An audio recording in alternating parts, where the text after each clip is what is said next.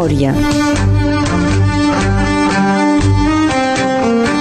La nostra gent s'explica. Berenguer Ballester.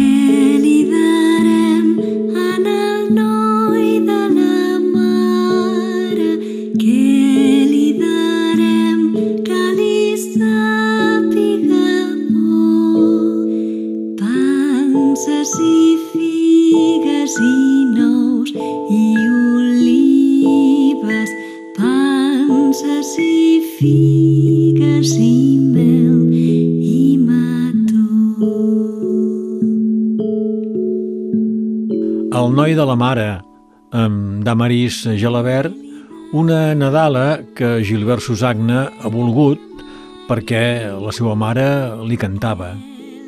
Segona part de la memòria amb ell, sem a casa seua, a Perpinyà, un matí de novembre del 2022.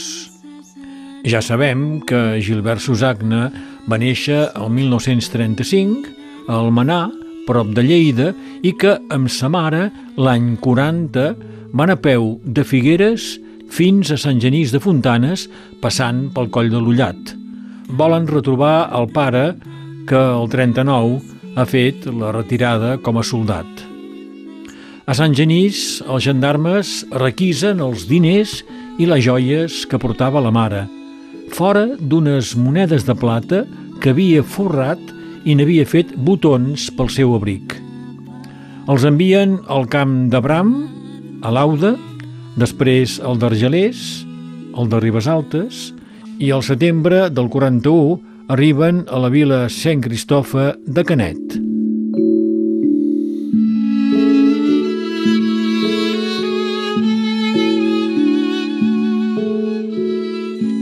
Gilbert Susagna, doncs Sant Cristofa a Canet, per vosaltres és un canvi de vida radical, no?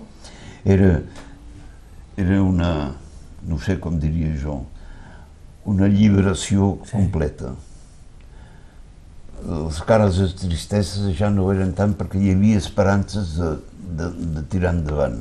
I efectivament, mon pare, que es trobava, no, ja era el, era el departament del GERT, Sí. el seu amo va fer un expedient que jo tinc, si vegués un expedient és una carta amb falta d'ortografia i tot, dient que, que deixessin sortir la mare i jo. I el mes de novembre, el mes de novembre del 41 ens vam trobar al Brull, que és un poble del Gers, amb el pare i la mare. Ja feien cinc anys que érem separats. La retirada s'acaba aquí. aquí. La vila Sant Cristofa, que era, ja ho heu dit, ben bé al front de mar, tocant, Sí, sí. tocant el mar a, a Canet, va ser destruïda. Ja no queda cap rastre ja no, de la sí, casa sí. aquella, magnífica Sí, casa. perquè Eh? es va vendre Canet quan, quan, quan hi va haver aquesta, diríem, eh, bogeria de les cases, etc, dels vacants i Per tot. fer apartaments. Bueno, tothom fa el que vol, eh? Jo no dic res d'això. Però la van destruir, la van destruir, la van destruir, però la gent que van fer llibres sobre la vila Sant Cristofa van fer un monument, que és al, passeig Sí. davant del Hi ha una placa també, no? Sí. De la vila Sant van, Cristofa. van fer una cosa està ben, ben feta, és una bona, una bona idea, Sí. perquè la gent recorda, però la gent li dona, tant se n'hi dona quatre com dos parells, i va passant allí com veu un, Sí, clar. no sé, un, un pintor, respecte per aquest pintor, eh? però en fi, bueno, això és igual, no saben el que va passar allà. Uh, actualment, uh, tothom coneix la història de la maternitat d'Elna. Sí, En canvi, la història de la vila Sant Cristofa de Canet Mm. no és tan coneguda. sí, és, hi ha un llibre, Sí? Sí, un llibre Sí, sí. sí. fet, sí, sí. És que eh, jo penso que la, la, la maternitat d'Elna, pel fet que era naixement, els nadons i els nodrissons, és un tema més atractiu, Sí. m'entén? Fa més emoció. I a més, la personalitat de la, de De la directora, això, va, també. I molta gent. Jo sé que Argelers, per exemple, la mare deien que el considero eh, feien roba pel, pels nens. Eh, sí. Delna. No ho sé quina forma, ni molts ni res, però jo, jo sé que la mare eh, ho deia. La gallineta dic que prou, ja no vull pondre cap més ou a fer punyetes, aquest sol que fa tants anys que m'esclavitza. I si em venen ganes de fer, en faré venir un restrenyiment, no tindrà cap més ou calent el que de mi se n'aprofita. La gallina ha dit que no, visc la revolució.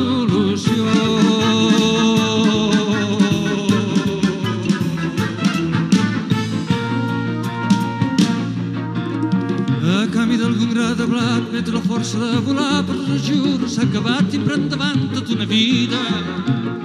I no pateixo pel destí que un cop lliurada de la butxina hi ha d'haver cap perill perquè m'entengui amb les veïnes. La gallina ha dit que no, visc la revolució.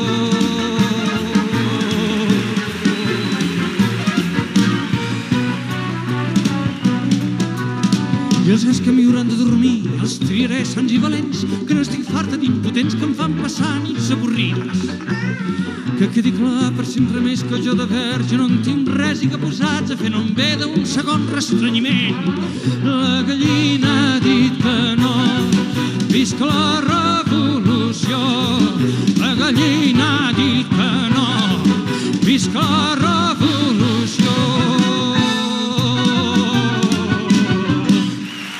Gilbert Susagna, heu explicat com ja amb el pare i la mare aneu a Gers i aquí s'acaba tot el trajecte. Tot el més és cosa íntima. Sí.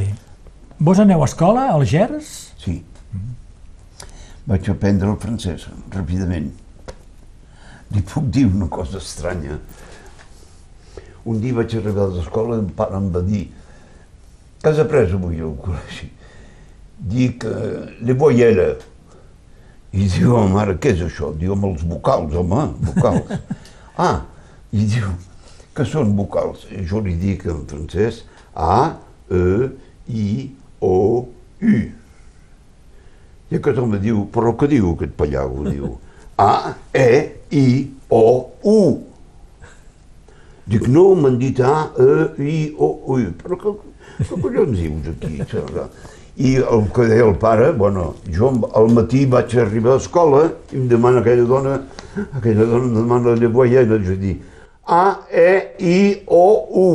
Tothom es va fotre a riure, tothom es va fotre a la meva cara. I vaig tornar a casa i vaig dir al pare, no vull que el pare em digui res més, perquè després la mestressa em renya. Són Ah, coses sí. personals, això, veu. I finalment, al 46, teniu 11 anys, la família s'instal·la a Perpinyà. Torneu A a, Perpinyà. eh? És que el pare pensava que els aliats farien fora el cisquet del Ferrol, com deia ell, el cisquet del Ferrol. El Molta gent ho fora. pensava. I que estaríem millor de Perpinyà perquè només feia cinc anys que eren fora de casa i pensaven que tornarien a casa. I en realitat eh, van viure a Perpinyà, els pares són morts a Perpinyà i, i són enterrats els dos plegats a Perpinyà. A quin barri veu viure, a Perpinyà? A quin barri A vam quin- viure? sí. Eh, vam viure primer quan vam arribar amb una casa eh, central, Lazare Escarguel, rue Lazare Escarguel, teníem, un, eh, teníem dues habitacions amb dret de cuina, dret de cuina hi havia el vàter. Això eren dos senyores que llogaven això. I després vam anar a viure a la, a la plaça Blanquí. D'acord. Plaça Blanquí, on jo em vaig criar, i on es va criar el meu germanet, i on vivien el- els meus pares, fins que el pare, que era, que era paleta, el pare era...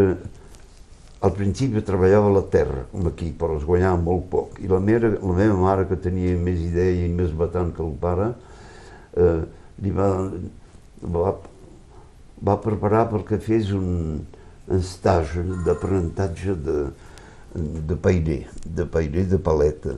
I també es va fer especialitzar amb el terra, els carlatges, tot això. I era artesà. I després vam fer una casa aquí a, al carrer d'aquest pintor de Montauban, eh, Engre, Engre. Vos aneu a escola a Perpinyà? Sí, veien, quan va néixer el meu germanet l'any 46, em van posar intern a Prades, Ah. au Collège Moderne et Technique. Collège Moderne et Technique. I aquí jo era pensionista, pensionista. Em van tancar, com jo estava acostumat a la mare, em van tancar Sí. i em va costar una miqueta, Clar. però en fi, això és, és una cosa personal. Sí, Sí. Van, van cuidar, sí.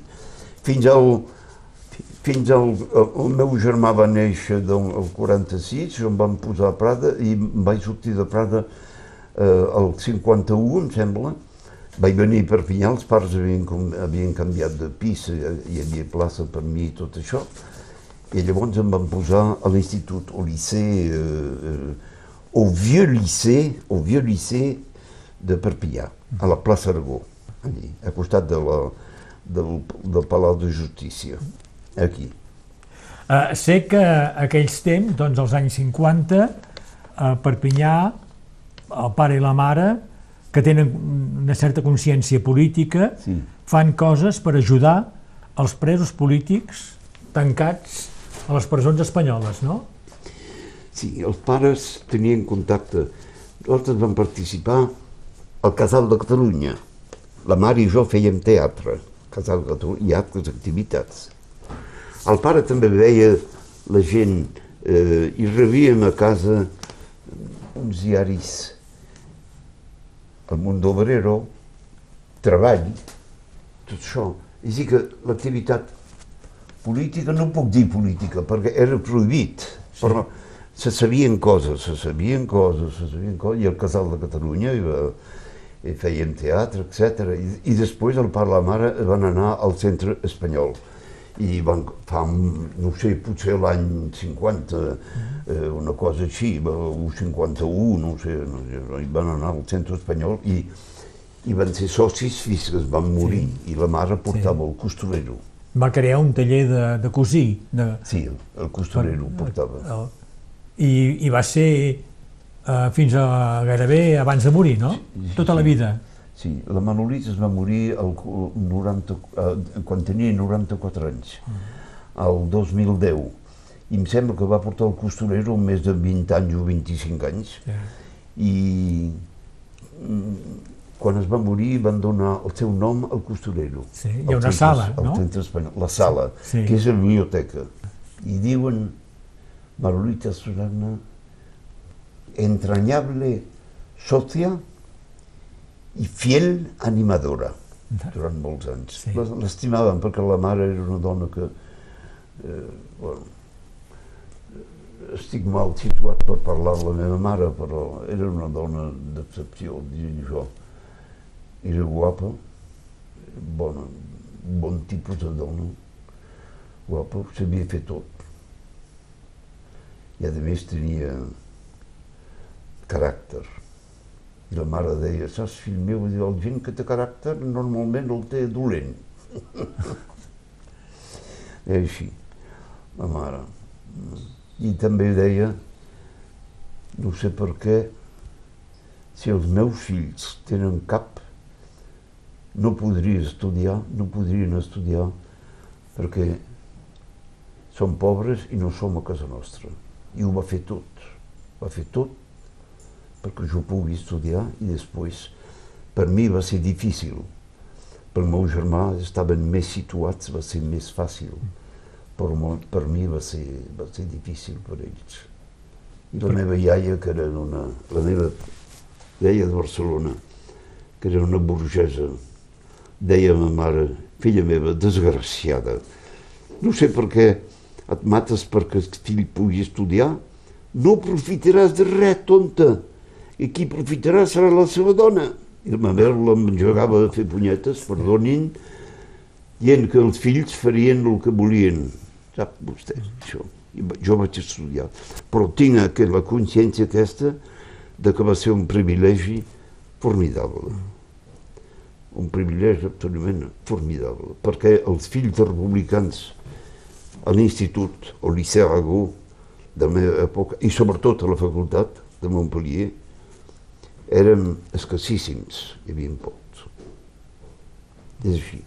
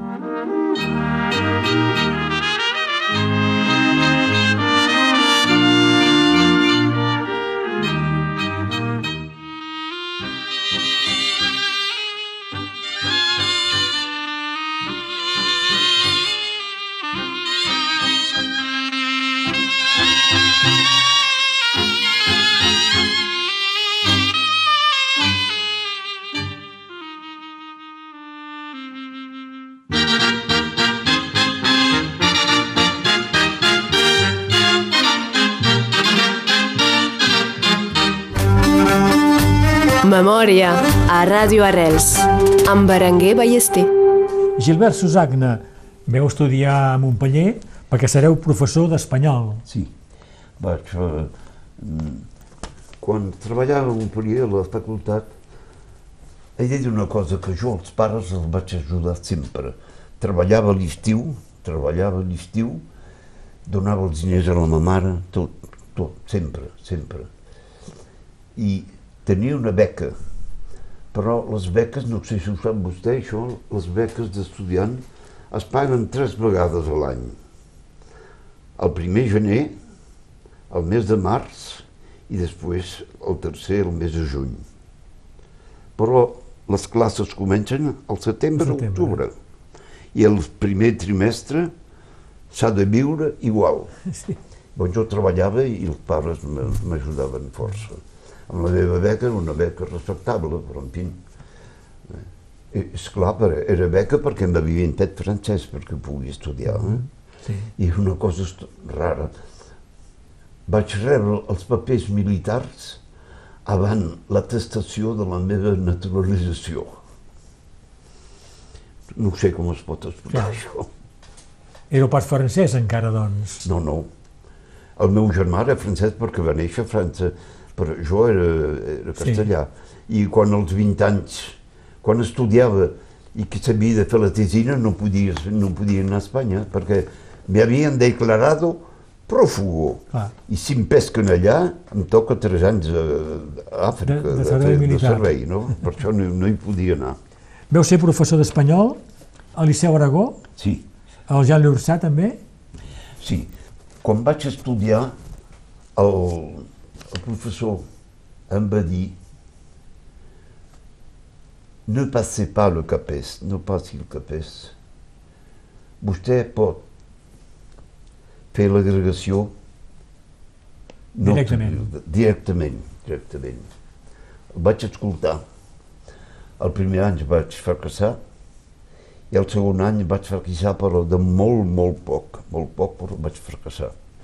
I després de l'exèrcit, no tenia, no podia. Em vaig entrar al Liceu Aragó durant dos anys i aquests dos anys vaig passar el capès i llavors em vaig destinar Em van destinar a Roana i uns anys després va, vaig poder tornar a Perpinyà. A Perpinyà vaig anar al col·legi Josep Sebastià Pons i després al, al Liceu Jean Lurçà, on, Sí. on vaig plegar quan vaig tenir eh, 60 anys. I sereu també professor de català. Com va ser això? Com va ser això?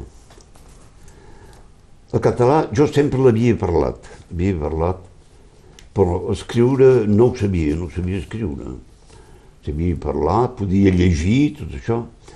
I quan era al Liceu Aragó, hi havia un home que vostè, no sé si l'ha conegut, era un català ben català. Aquest home va tenir una mort estranya, es va penjar El corredor. Josep Maria Corredor. Josep Maria Corredor. Es va penjar al castellet, quan es va sentir flac. I aquest home em, va dir, podria ajudar pels, petitons que jo no puc, etc etc. Bueno, bueno, i vaig posar a fer català. Em donava més feina que fer castellà. I vaig, vaig treballar amb, amb els petits, amb els petits. I després, quan era a Roana, vaig passar amb el senyor Guité l'únic certificat de català que havia a la Facultat de Montpellier, Ah. Etude de Pràctica Catalana. Bueno. I quan vaig arribar aquí, eh, com que feia català abans de marxar, quan vaig arribar aquí vaig fer català també. Però es deia, no era una hora oficial, era activitat dirigée. I et pagaven quan no et pagaven, però jo ho feia sempre. I, bueno, i després, quan vaig venir al Liceu Jean Lurçà, ens van donar, com que jo tenia, quan hi havia ja hi havia llicenciatura de català, jo tenia l'únic certificat de català que existia quan jo estudiava i tenia el costum d'haver eh, havia ensenyat el català durant un, uns anyets. Llavors, al Liceu Jean Lurçà vaig continuar a fer català i quan el català va tenir la notificació de segona llengua, jo tenia llengua de, en, en classe de segona, primera i terminal. Tres hores, tres hores, tres hores. És a dir, que el meu servei era meitat castellà i meitat català. I De portava fet- els alumnes fins al, al, al BAC. De fet, veu ser un dels primers professors de català. No, primers no ho sé, perquè el senyor Guité feia català quan jo era a, quan jo era a l'institut. Sí. I de ben el, cur, el corredor em feia. Sí, clar. I el, el Josep Sebastià Pons també em feia, etc. Però el primer no ho sé. No, dic, un dels primers, Un dels no. primers, perquè el senyor Serrai, a l'institut, Liceu Aragó, també feia català com jo. Primers no ho sé, però sí, vam Sí, fer, vam fer. I quan, I quan es va fer la llicenciatura el capès de català, va entrar al Liceu eh, Jean Lurçà un senyor que es deia Tirac, el Tirac, Pasqual Tirac. Pasqual Tirac, i jo li vaig... em va prendre, no em va prendre, va, ell tenia el seu, va tenir les classes de català i jo vaig tornar a fer classes D'acord. cla- de, de castellà. És Sí, una sí. cosa, és així, content que algú pugui fer D'acord. completament, sí. Però el senyor Guité, el senyor Guité va fer tot per això, Sí, el sí, senyor sí. Guité. Era un fascistot, perdonin, eh, que no ho digui, però, però el català l'estimava molt, molt, Mm. català. L'escriptor Joan Lluís Lluís Sí.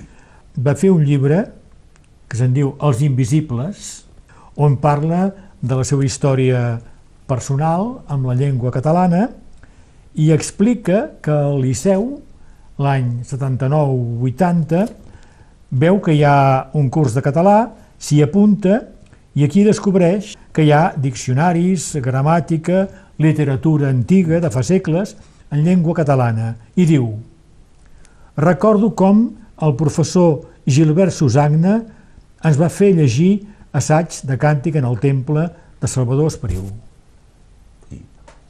Escolti, jo feia català, jo feia català i el que volia fer el català una mica variat perquè la gent puguin veure que no era una cosa així, era una cosa sencera, una llengua romànica, que en temps que Catalunya va existir abans d'Espanya, que Anselm Tormeda va fer l'elogi dels diners, que tot això.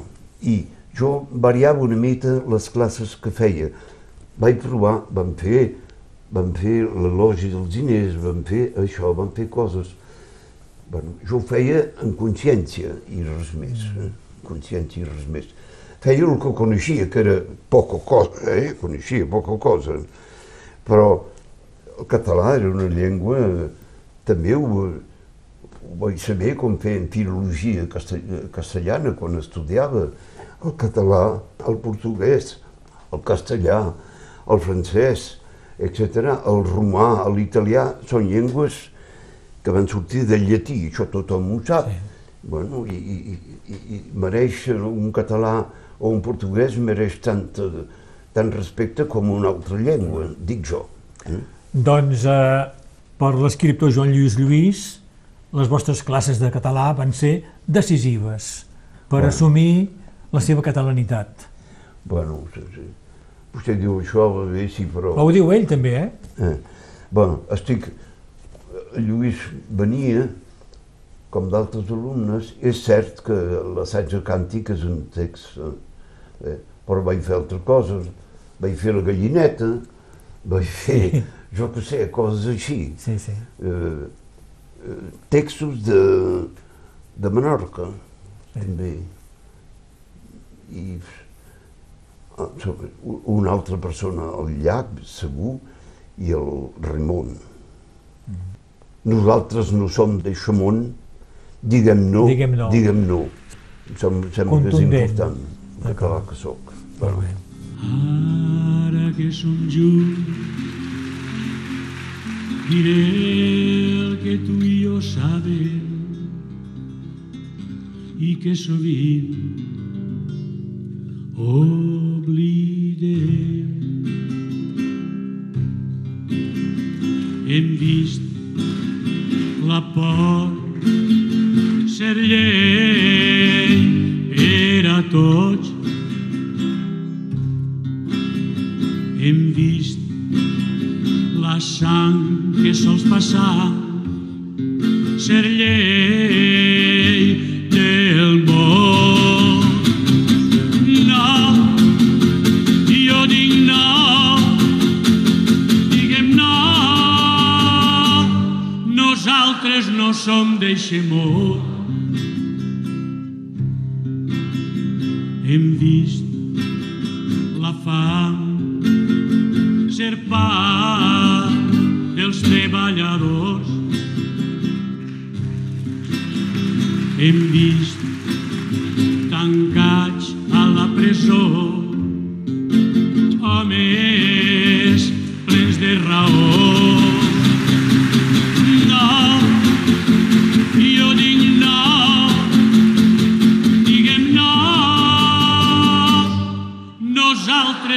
som d'Eixemó. No, diguem no, nosaltres no som d'Eixemó.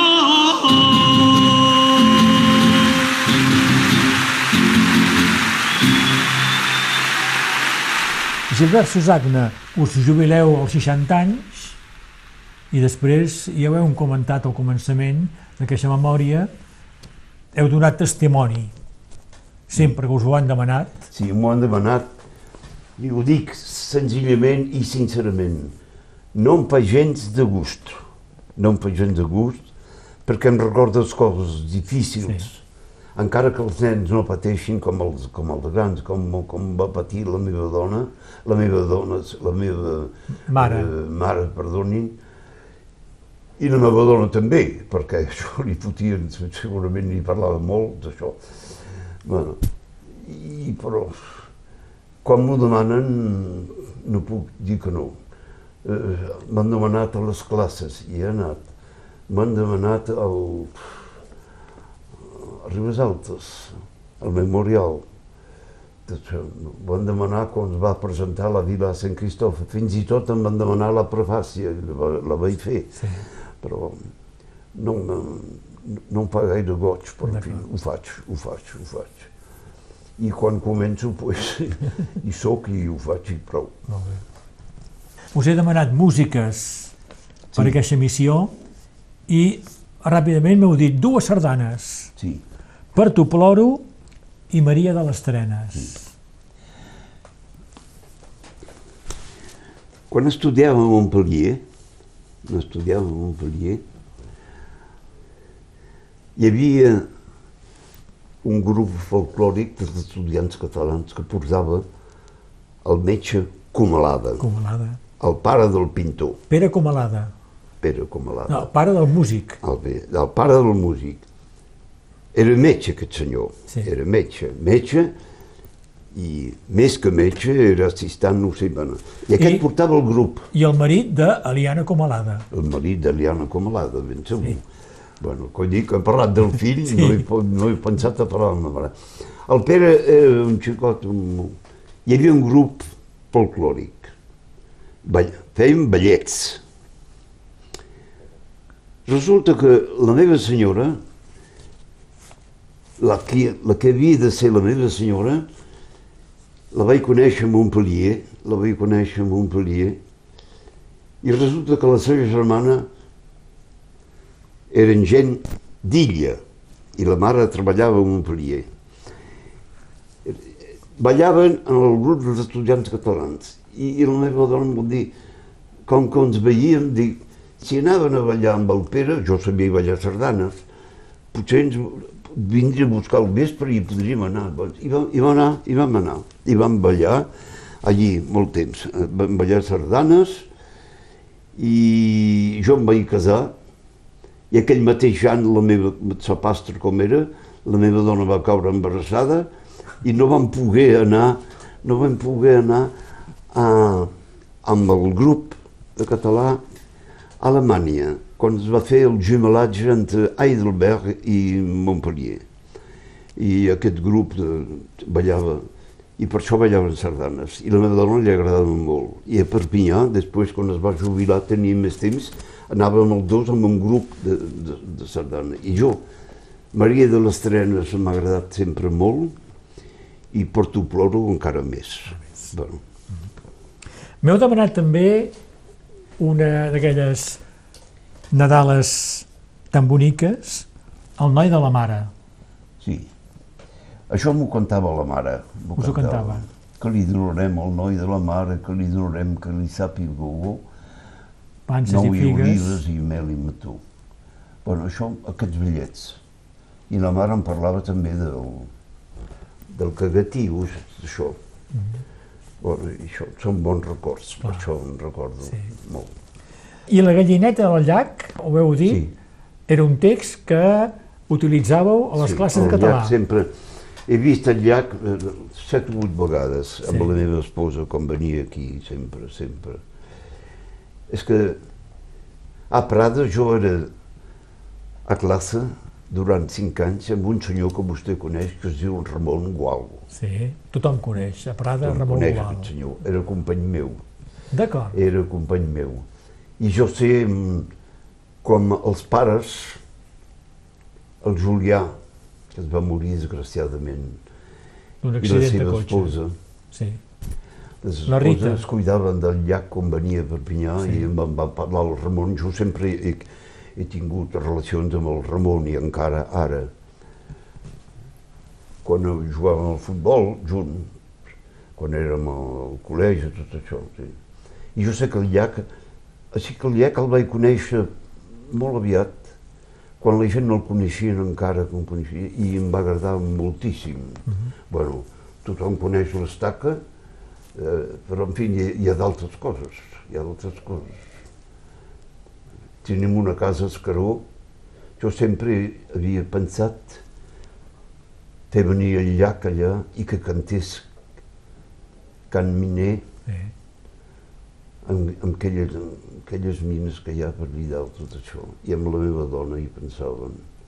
I el llac sempre m'ha interessat molt, molt, molt, moltíssim.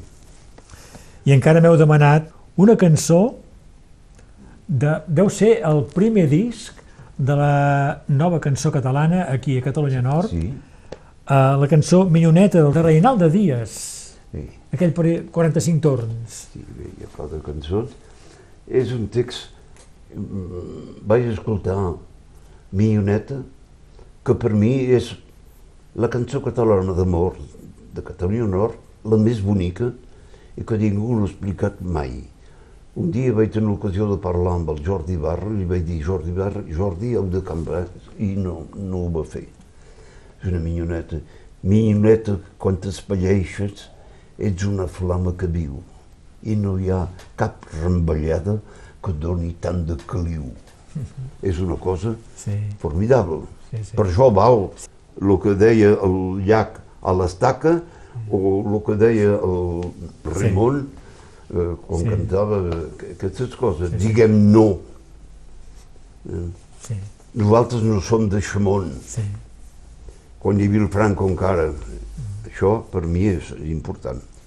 Gilbert Susagna eh, m'ha fet molt de ple de vos conèixer, no us coneixia, us coneixia de nom, però no us coneixia pas personalment i estic molt content, molt content que hàgiu acceptat encara un altre cop explicar Però, la vostra eh, experiència. No, no sé si vostè, no sé el que vostè farà de les meves confidències, Em faré una emissió de ràdio. Sí, no sé, no ho sé.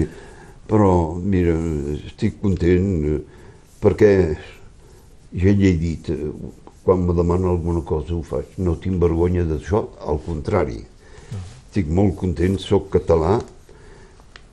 Com que visc a França i sóc francès. En li diré a vostè, però no ho digui ningú. Vaig sortir de l'escola militar de Saumur amb el títol de sous-lieutenant, un fill de comunista espanyol. No sé com van passar això. Eh? Bueno. I aquest prefecte que es deia Erignac i que van matar els, a Corsos, Sí. que era un xicot extraordinari, era el meu veí i era amic meu a Saumur. D'acord, el veu conèixer, Bon, doncs. eh, era un, no sé per què el van matar, perquè era un xicot molt... Bueno, i ara se, em sembla que li volia dir alguna cosa i me s'ha escapat, però això, això, això, No passa res. Si em torna, li diré. D'acord. Bueno, és així, bueno, sí. Bueno, estic, estic molt satisfet d'haver estudiat pels pares, pels pares, pels pares, pels pares. La meva mare, el meu pare. Era, era, era així. Mm. Si jo visc a França, això li volia dir, jo visc a França i sóc francès, però sóc català primer que tot. Però no sé si si fos a Espanya potser seria catalanista. No ho sé. Però a França li diré senzillament que sóc catalanàs i prou. Catalanats. Gilbert Susagna, moltes gràcies i bon dia. Gràcies a vostè. Minyona, quan t'espaieixes, ets una flama que viu. No he vist mai cap rembeiada que doni tant de caliu. Jo cremant ta presència, que sang cremar-ne soliu. Mai, mai més no em deixis estar a junt, minyoneta de tu. Mai, mai més no em deixis estar de junt, minyoneta de tu.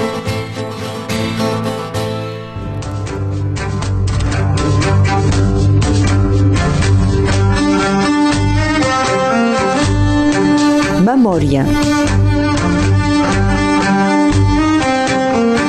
La nostra gent s'explica. Berenguer Ballester.